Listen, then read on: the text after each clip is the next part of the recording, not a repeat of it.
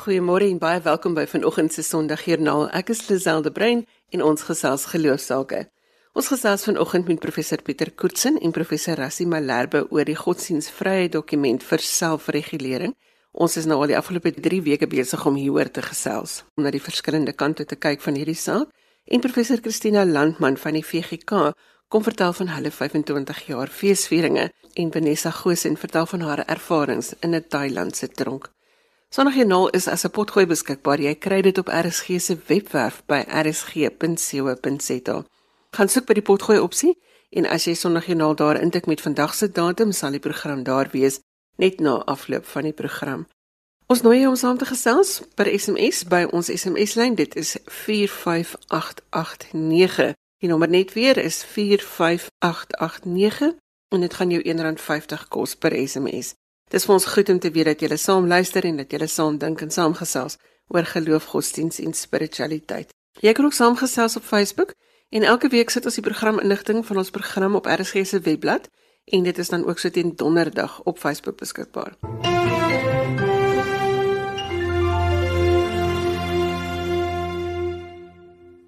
Professor Pieter Koetsen is van die eenheid vir die studie van godsdiens en reg by die Beyersnodee Sentrum vir Openbare Teologie aan die Stellenbosch Universiteit en Rassie Malherbe is 'n afgetrede professor van staatsreg van die Universiteit van Johannesburg en 'n man met baie goeie insigte in die staatsreg. Hy was ook die skrywer van 'n boek oor staatsreg. Ons gesels vanoggend oor godsdienstvryheid. Goeiemôre Pieter. Môre Lisel en dankie vir hierdie geleentheid om te kan gesels. En goeiemôre Rassie. Môre Lisel. Pieter, wie en wat is die Raad vir Godsdienstvryheid en wat doen julle? Ja. Lisel in 2010 het daar in die raadsaal van die Universiteit van Johannesburg is die Suid-Afrikaanse handves vir godsdienstregte en vryhede aanvaar. En op daai selfde vergadering het ons besef maar daar moet 'n liggaam wees wat nou die voortgang van hierdie handves koördineer en so het die raad van godsdienstregte en vryhede in Suid-Afrika tot stand gekom. Ek is die president daarvan. Rassie is 'n raadgewer van die raad en ons kyk voortdurend dat daar nie tekort gedoen word aan godsdienstvryhede en regte in Suid-Afrika nie. En hoeveel mense word deur die raad verteenwoordig? Lisel, ek het op 'n stadium 'n berekening gemaak waarin ek gaan kyk het wie het almal die handves onderteken en ons het daai handtekeninge en ek het gaan kyk en probeer vasstel hoe groot is die kerke en die godsdienste wat deur hierdie handtekeninge verteenwoordig word. En ons het op 'n syfer van ongeveer 25 miljoen aanhangers van godsdienste en kerke, lidmate by kerke dat dit die getal is wat gesê het ons onderteken die Suid-Afrikaanse handves van godsdienstregte en vryhede mag ek gou vinnig ietsie byvoeg? Asseblief. Hierdie dokument, hierdie handves van godsdienstregte en vryhede is eintlik 'n baie betekenisvolle dokument. Ons het dit ook getoets by by buitelandse kenners. Hmm. Ehm um, en niemand weet eintlik van 'n soortgelyke geval waar godsdienstgemeenskappe oor geloofsgrense heen hande gevat het om so 'n dokument op te stel om eintlik in detail te omskryf uh, wat verstaan ons onder godsdienstvryheid. Dis redelik uniek in die wêreld. Dis nie 'n formele goedgekeurde dokument uh, by wyse van wetgewing byvoorbeeld nie. Dis die eiendom van die godsdienstgemeenskappe van Suid-Afrika. Maar daarmee sê ons hoe ons sien wat is ons regte as godsdienstgemeenskappe in in hierdie samelewing waarin ons woon. En dis 'n belangrike dokument wat eintlik ook die die verhouding tussen tussen die staat en godsdienste help bepaal. So al is dit nie 'n formele dokument nie, het dink ek het dit nogal groot status. Rassie, mag ek dan nou vra wat is die standpunt van die raad oor die misbruike wat die afgelope tyd in sommige kerke en godsdienste voorgekom het en en hoe kan 'n mens dit nou aanspreek?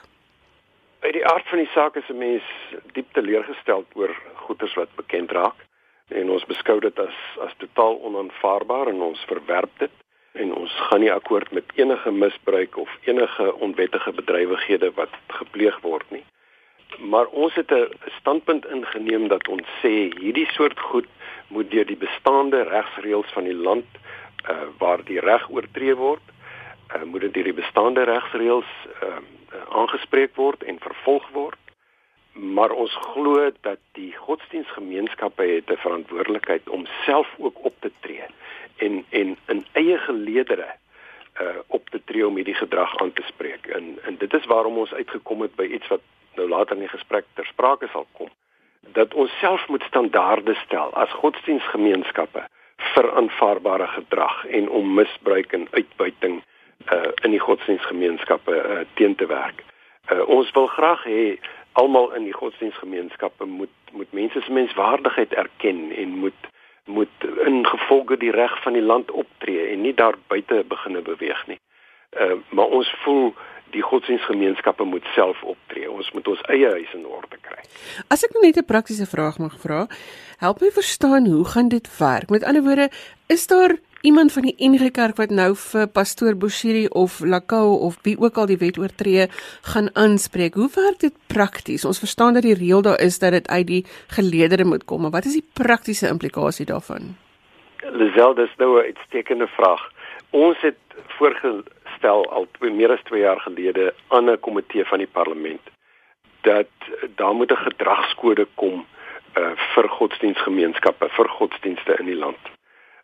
En en uh, in so gedragskode neem jy nou alles op waar waar jy glo geestelike leiers en en kerke en godsdienstgemeenskappe uh, moet hulle by neerlê. Hulle moet dit onderneem. Hulle moet sê ons sal nie dit doen nie, ons sal dit doen, ons sal ons sal nie uh, onwettig optree nie ensovoorts. Ons het 'n hele 'n volledige dokument uh, opgestel en uitgestuur en uh, Pieter kan meer daaroor praat uh, en kommentaar gekry en uiteindelik het ons 'n konsep op die tafel wat ons sê dit is wat ons graag uh, wil uitstuur vir almal in die land wat by godsdienst betrokke is en sê onderneem hierdie dinge Maar nou lê jy jou vinger op 'n baie belangrike ding. Daar mag ouens wees wat sê ek stel nie hierin belang nie of daar mag ouens wees wat sê ek onderskryf dit maar op die ou en dan gaan hy aan en hy doen sy eie ding. En ons wil verskriklik graag hê dat daar 'n hele proses moet ontwikkel binne die godsdienstgemeenskappe van die land waarin ons mekaar van hande vat, waarin ons bykomende materiaal ontwikkel. Byvoorbeeld dat mense sal weet wat is hulle regte en verpligtinge. Dat mense sal weet uh, wat is die etiese reëls wat ons behoort na te kom. Dat mense sal weet en en dit natuurlik onderneem en nakom. Maar hoe lyk gesonde administrasie in my in my kerk of in my uh, godsdiens uh, gemeenskapie? Hoe lyk gesonde finansiële praktyke? Uh, en dat ons kursusse in materiaal ontwikkel wat ons uh, as godsdiensgemeenskappe saam op die tafel sit en so vir mense help uh, want uh, 'n uh, ou net hier om die hoek wil hy nou sy eie kerkie stig of sy eie godsdienstgemeenskapie stig en, en en die mense weet nie altyd hoe werk hierdie goed. Hoe moet ek voldoen? Ek funksioneer binne hierdie samelewing. Ek ek is deel van hierdie samelewing. Ek is onderworpe aan die regsreëls van hierdie samelewing, maar die mense ken dit nie. En en ons moet mekaar help en ons glo dat die dat die staat kan daarmee help met sulke opleidingsprogramme. Uh, maar ons dink die godsdienstgemeenskappe moet in die eerste plek die verantwoordelikheid daarvoor neem. Pieter, is daar strenger optrede deur die staat nodig? Lisel, ek persoonlik dink nie so nie. Ek dink dat ons het op die oomblik voldoende wetgewing om die uitwasse wat daar ontstaan te kan beheer. Mense moet net mooi luister. Dit is opvallend hoe baie van hierdie sake wat in kerke ontstaan en pastore wat uh verkeerd optree. Hoe baie van daai sake beland inderdaad in die howe. En natuurlik kan ons ook gaan en 'n klag gaan lê teen 'n persoon. Die lede van daardie betrokke kerk of godsdiens kan ook na die polisie toe gaan en 'n klag gaan lê teen iemand wat buitensporige handelinge in daai kerk of godsdiens onderneem. So ons dink daar is voldoende maatreëls in plek. As daar nie is nie, dan wil ons graag saam met die staat werk om daardie saak reg te stel en die nodige wysiging aan wette aan te bring uh, wat mense tot orde kan roep.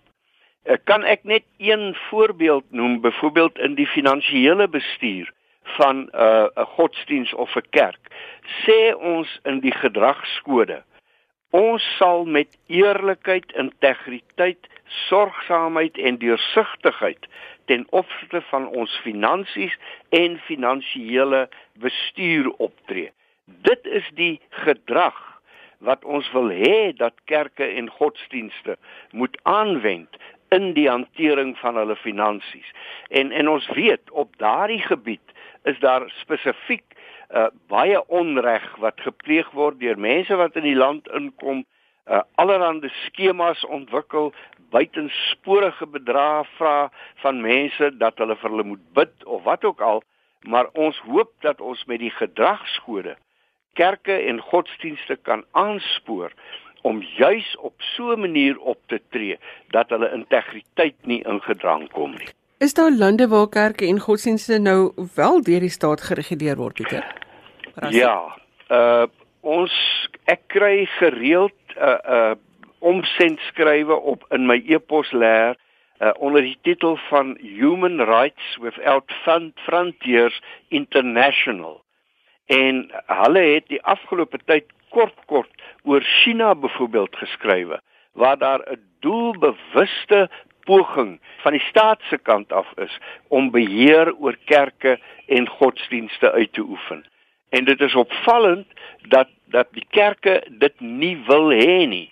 Uh en ons het in Suid-Afrika ook daai voorbeeld. Daar was nou al telkens voorstelle van die owerheid wat met wetgewing kerke en godsdienste moet beheer. En kerke en godsdienste het nog elke keer konsekwent gesê, ons wil dit nie hê nie.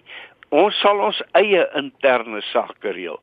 En ons wil nou met hierdie gedragskode juis vir kerke en godsdienste help om om daardie in daai selfregulering toe te pas en sodat dit nie 'n regulering deur die owerheid word nie.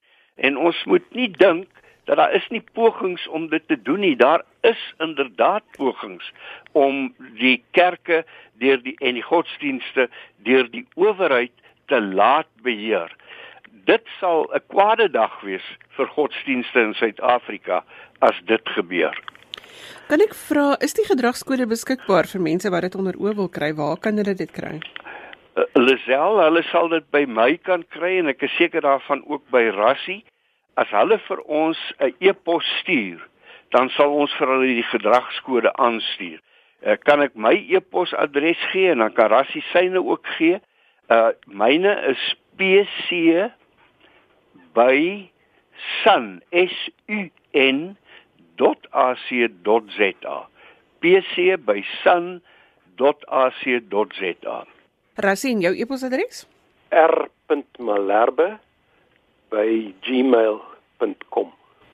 Ek dink dit is baie belangrik dat geloofsgemeenskappe hierdie dokument onder oë kry, dat hulle aktief betrokke raak en dat ons aktief meedoen aan die verantwoordelikheid hou van hoe godsdienst beoefen word vir almal se godsdienstvryheid. Rassie Pieter baie dankie dat jy gele saamgesels vanoggend en dankie vir die dokument wat jy beskikbaar stel. Baie dankie Lisel.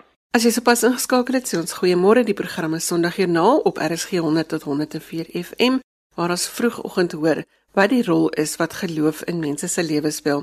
Gaan maak gerus 'n draai op RSG se webblad by rsg.co.za vir inligting oor vandag se gaste en onderwerpe. En jy kan natuurlik saamgesels by 45889 Ek lees weer die nommer, dis 45889 teen 1.50 per SMS. Professor Christina Landman is aktuaris van die Algemene Sinode van die VGK en sy is dominee in Rustenburg by Karlien Park gemeente en ons gesels vanoggend oor 'n opgewondenheid by die VGK gemeentes. Goeiemôre Christina. Goeiemôre. Ek hoor dat die VGK allerlei feestelikhede beplan. Wat is in die pipeline? Kyk, 25 jaar gelede op die 14de April 1994 het die uh, toe die NG Sendingkerk was wat meer op bruin mense gerig was en die NG Kerk in Afrika wat op swart mense gerig was, het hulle verenig om die Verenigde Gereformeerde Kerk te vorm. En ons is nou 25 jaar oud hierdie Verenigde Kerk en dis waaroor die feesvierings hierdie jaar gaan. Ons wil net groot fees vier op uh, eh, 14 April in Bloemfontein en dan weer op 29 September in die Kaap. So watse feestelikhede beplan julle? Wat gaan alles gebeur? Jong in Bloemfontein en ek moet maar sê ons het Bloemfontein gekies omdat hy nou sentraal is want dit is nou 'n nasionale fees. Dit is nou al die amper 800 gemeentes van die VGK is natuurlik nou daarin uitgenooi. En dit gaan wees by die Madiba Stadion, die Madiba Arena. Ek dink mense ken dit ook as die Vista Arena op die suidelike kampus van die Universiteit van die Vrystaat die 14de dan nou die Sondag om 9uur. En dan gaan ons natuurlik nou 'n kerkdiens hê en ons gaan sing en daar's kore wat kom sing en daar is 'n uh, preek en daar's nagmaal en groot groot feesviering. Jy weet mos ons is daar in 'n kerk wat kan sing. Dan net so 'n bietjie vroeër die Saterdag aand het ons 'n gala ete ook in Bloemfontein en dan het ons 'n lekker ander ding en dit is nou die Vrydag en die Saterdag wat ons by die fakulteit teologie by die Universiteit van die Vrystaat 'n seminar het. Daar gaan nou mense praat oor die geskiedenis van die kerk. En uh, miskien kan ek 'n paar name gooi, rondgooi want ons is nou so trots op wie almal daar gaan praat. Ons weet dat professor Reginel gaan daar praat, prof Piet Meyering, professor Tumi Senokwane, Pieter Grove, professor Gatla, Eugene Baron, ons moderator professor Lepo Modise. Ek self gaan ook probeer om ietsie daar te sê en dan natuurlik professor Rodney Chaka, Eugene Fortuin, professor Nico Botha en dan van die mense van die teologiese fakulteit van die Vrystaat. Dit is nou uh, Martin Loupsher, Henko van der Westhuys en natuurlik ook van Tikkies Kobus van Wyngaard. Hulle gaan almal gaan hulle ehm um, uh, referate gee. So referate is miskien 'n groot woord, maar hulle gaan dan nou praat oor navorsing wat hulle gedoen het oor die geskiedenis van die VGK van die tyd voor die vereniging en die 25 jaar daarna. En dan uh, sjoe, dan hoop ons dat ons dit later gaan uitgee. Ek wil nou net vra, so hierdie referate gaan julle dalk nou saam in 'n bundel kan sit sodat ander mense dit ook kan lees. Ons hoop om dit te doen dat dit ook teen wanneer ons na die Kaap toe gaan, want ons gaan twee feesvierings hou soos ek net nou gesê het, wanneer ons na die Kaap toe gaan, het ons dan iets in die hand sal hê vir die mense van hierdie geskiedenis, hierdie ongelooflike geskiedenis as ek dit so mag noem van die VGK van hoe dit bymekaar gekom het wat er nog kort kom in die vereniging. Want jy weet uh, ons ons ons het daarom ons nog die wetkerk nog bykom in die vereniging uh, in so aan laat ons nou die pad saam vorentoe kan stap en daaroor besin ons nou die Vrydag en die Saterdag. Nou die bywoning by Saterdag, Vrydag en Saterdag is natuurlik gratis, maar ons het 'n beperkte plek. So as mense nou hierdie referate wil bywoon, dan sal hulle maar net bietjie vir my moet laat weet dat hulle kom. Maar dan die gala ete, uh, dit is natuurlik 'n fondsinsameling geleentheid en daar sal die kaartjies dan nou 'n spesifieke prys hê. Maar natuurlik nou Sondag is dit natuurlik oop en gratis en bring net jou stem saam en uh, as jy miskien 'n uniform het vir die kerk, dan trek jy net daai uniform aan. As jy nie 'n uniform het nie, dan trek jy nie 'n uniform aan nie. Maar kom net en kom vier fees saam met ons. Christina, jy het net genoem dat die VGK kerk is wat lekker kan saam sing. Gaan julle iets daar rondom ook beplan? Man, ons het nou 'n uh, meertalige sangboek wat nou op die mark kom en wat waaruit die kore gaan sing daai dag. Daar's twee kore wat gaan sing. Die een is uh, Melodia Tswane se koor. Dis nou die koor hier. Die mense sal dit seker ken. Dis die ou Bosmanstraat kerk. Is nou 'n VGK kerk en daardie koor het die nasionale koorkompetisie van van die VGK gewen. Hulle gaan kom sing uit hierdie sangboek, hierdie meertalige sangboek en dan is daar ook 'n koor wat in Bloemfontein saamgestel is uit 'n paar kore wat ook gaan sing. So ons sien baie daarna uit. Vertel gou vir ons van jou gemeente Karlien Park in Rustenburg waar jy predikant is. Ja, ek is nou so rukkie meer as 'n jaar daar en ek is baie lief vir die mense. Ek hoop hulle is lief vir my ook. Dit is nou 'n gemeente wat nou voorheen uit breinmense ontstaan het en nog meerendeels is dit breinmense wat daar woon, maar selfs al trek hulle daar weg, dan kom hulle nog steeds na die gemeente toe want die gemeente het dan nou 'n spesifieke identiteit. En dit is so 'n baie baie lekker gemeente want die mense is so spontaan. Hulle is dis nou vir die eerste keer in my lewe woon ek nou in 'n pastorie naweke En dan is dit net lekker dat mense instap en sjoe, party was self skottelgoed en party kuier net en dit is regtig 'n kuier gemeente en dit is 'n gemeente wat uh, na mekaar toe uitreik die susters, die mans, die jong mense en daar's um, baie uitdagings in die gemeente en ek dink die uitdagings lê baie op die gebied van die jong mense wat vanuit hulle self gekom het en gesê het, weet jy, ons het in vroeë dae het ons baie sterk jeugbeweging gehad. Nou wil ons onsself hier bymekaar bring van die strate af en 'n gesonde jeugvereniging begin.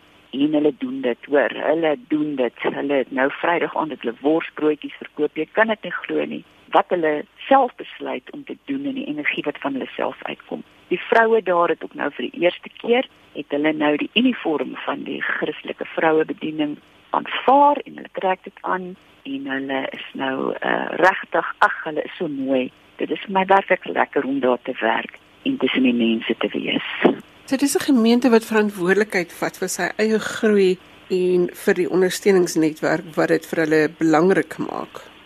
Ja, kyk, ons praat altyd en sê die kerk moet die gemeenskap bymekaar hou. Die kerk moet uitreik na die gemeenskap, maar die kerk self is ook arm. Die kerk self het nie uh, baie fondse nie. Vir die kerk self om hom in stand te hou, moet is hulle ook maar van die mense afhanklik. Maar vir ons is dit belangrik dat die kerk 'n community of care sou wees, om dit nou maar die Engelse term te gebruik. En dan as jy nie geld het nie, dan kan die kerk dit nogtans wees. Jy weet as ons sien iemand het nie kos nie, dan sal iemand sê, "Maar ek sal vir haar kook sou kos vat vandag."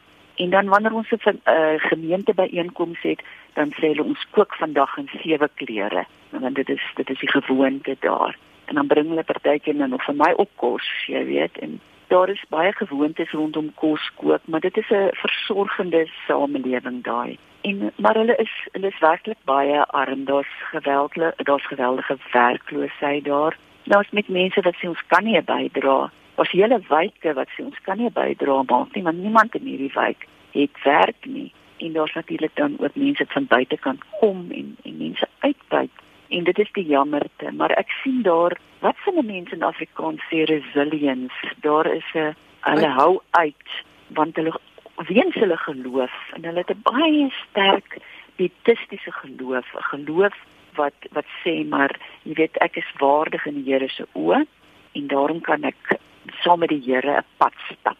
En ek het ook met hulle ooreengekom ek preek net eenmal 'n een jaar oor sonde, die res van die jaar praat ons oor genade. En uh, lyk my dit pas almal en dan leef ons daarop genade van dag tot dag. En dit is my regte voorreg om saam met hulle daai pad te stap. Ek gaan nou probeer om nie te lag oor die sonde en die genade nie. Christina, om net weer terug te kom na die feestelikhede van die VGK, waar kan iemand kontak maak as hulle vrae daaroor het? Ek dink die persoon wat die uh, reëlings die beste ken en die persoon wat dan ook die beste kontak kan maak is die algemene sekretaris en en dit is mevrou Desiree Brown. En kan ek haar nommer gee? Dis 067 166 7927. So dit is Desiree Brown en haar nommer is 067 166 7927 en sy is die een om te kontak indien jy meer inligting wil hê oor die feestelikhede van die VGK om hulle 25ste bestaanjaar te vier. Christina, dankie vir die saamgesels vanoggend. Goed, dit was my plesier. Ek sien julle almal die 14de April.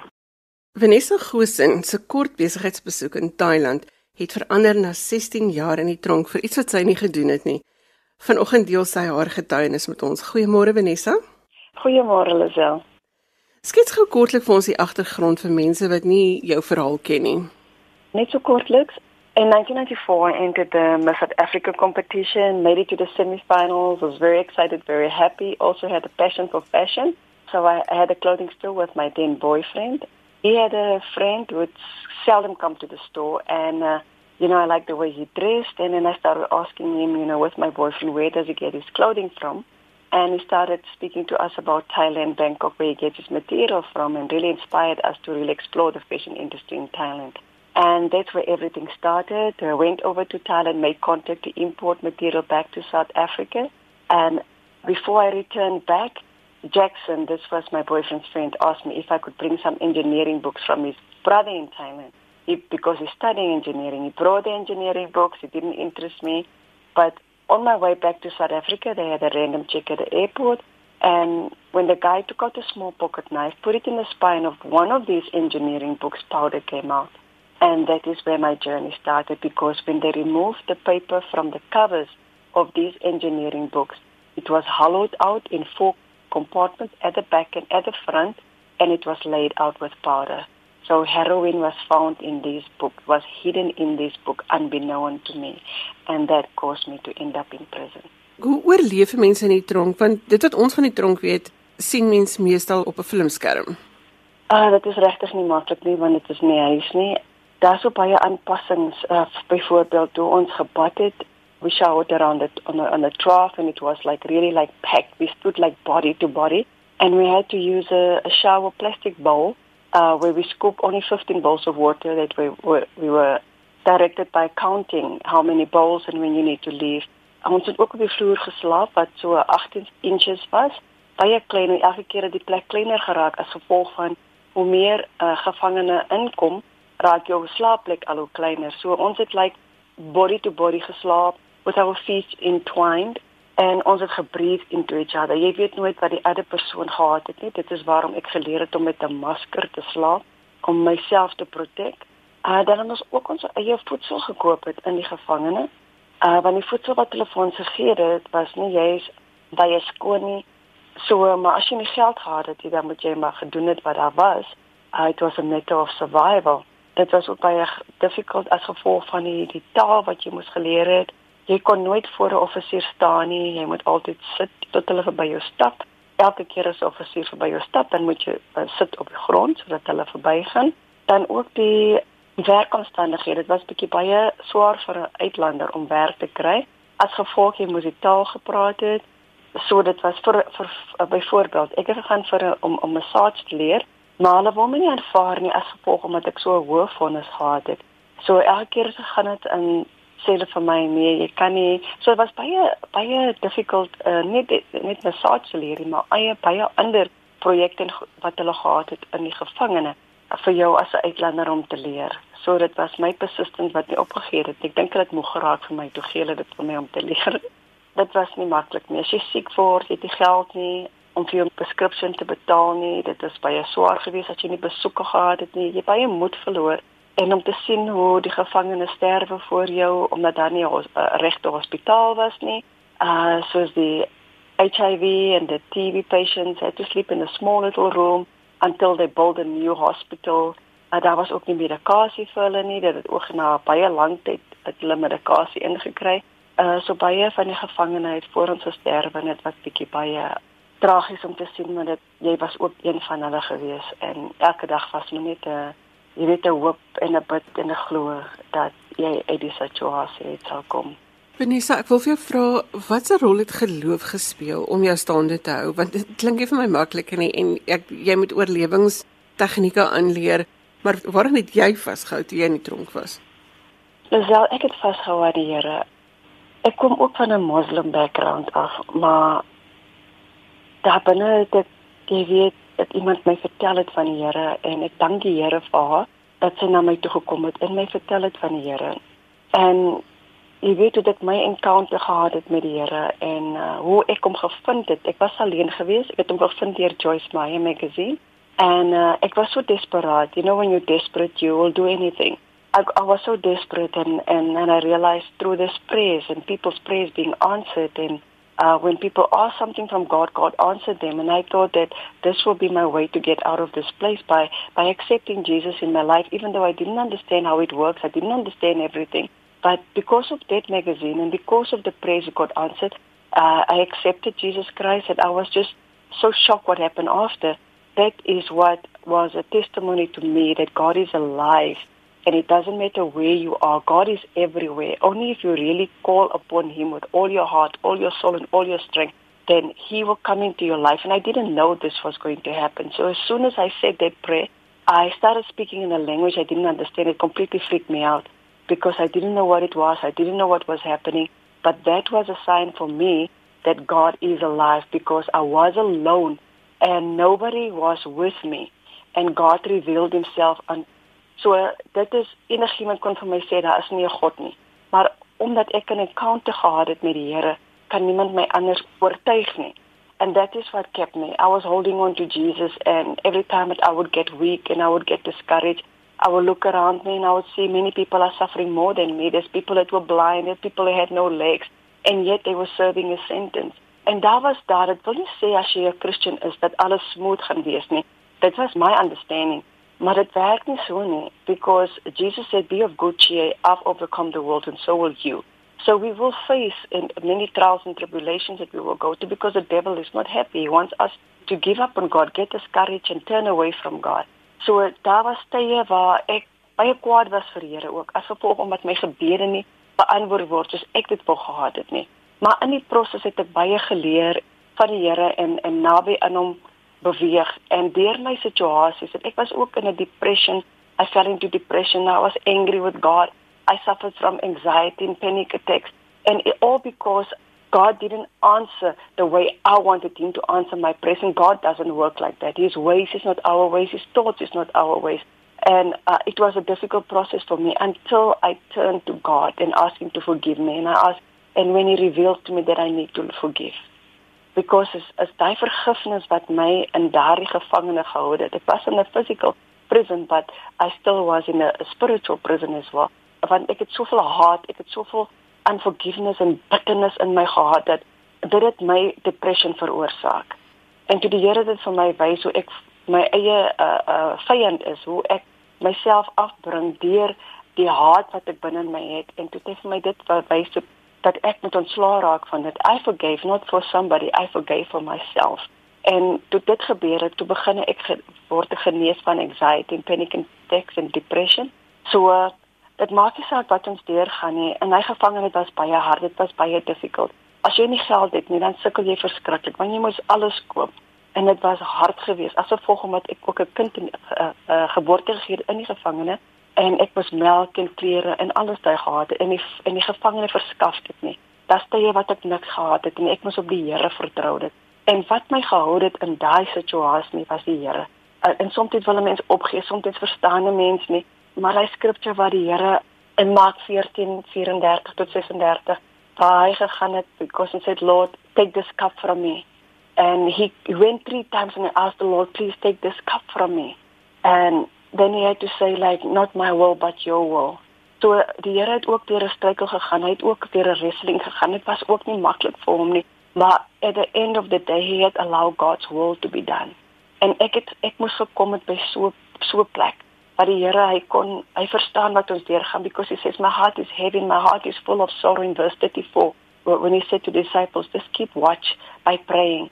En soms voel jy dat jy alleen is, uh that even die wat jy miskien op die pen nie daar is vir jou nie, jy's alleen in die situasie, maar regtig jy is nie alleen nie.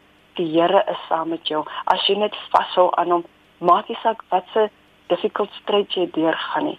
En dit is wat my my uh, my lot uh, to survive that situation. It was God only holding on to him through my depression, through my anger, through my not understanding God, not understanding what he's going doing but to hold on to the scripture where he says that I have a purpose and a plan for you, Vanessa, not to harm you, but to prosper you. And sometimes it's so hard to really take God at his promises because his time is not our time and patience is a virtue that we have to hold on to.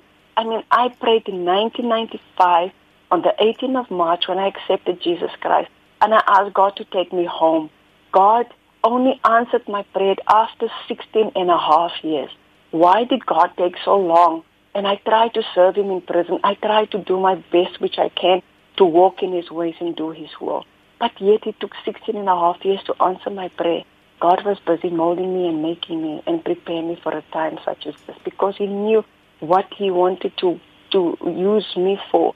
En ek is so bly dat ek terug na, want ek het my rug op die Here gedraai want ek was so kwaad vir hom geweest. Maar ek was so bly dat hy my 'n kans gegee het dat ek teruggedraai het na hom toe.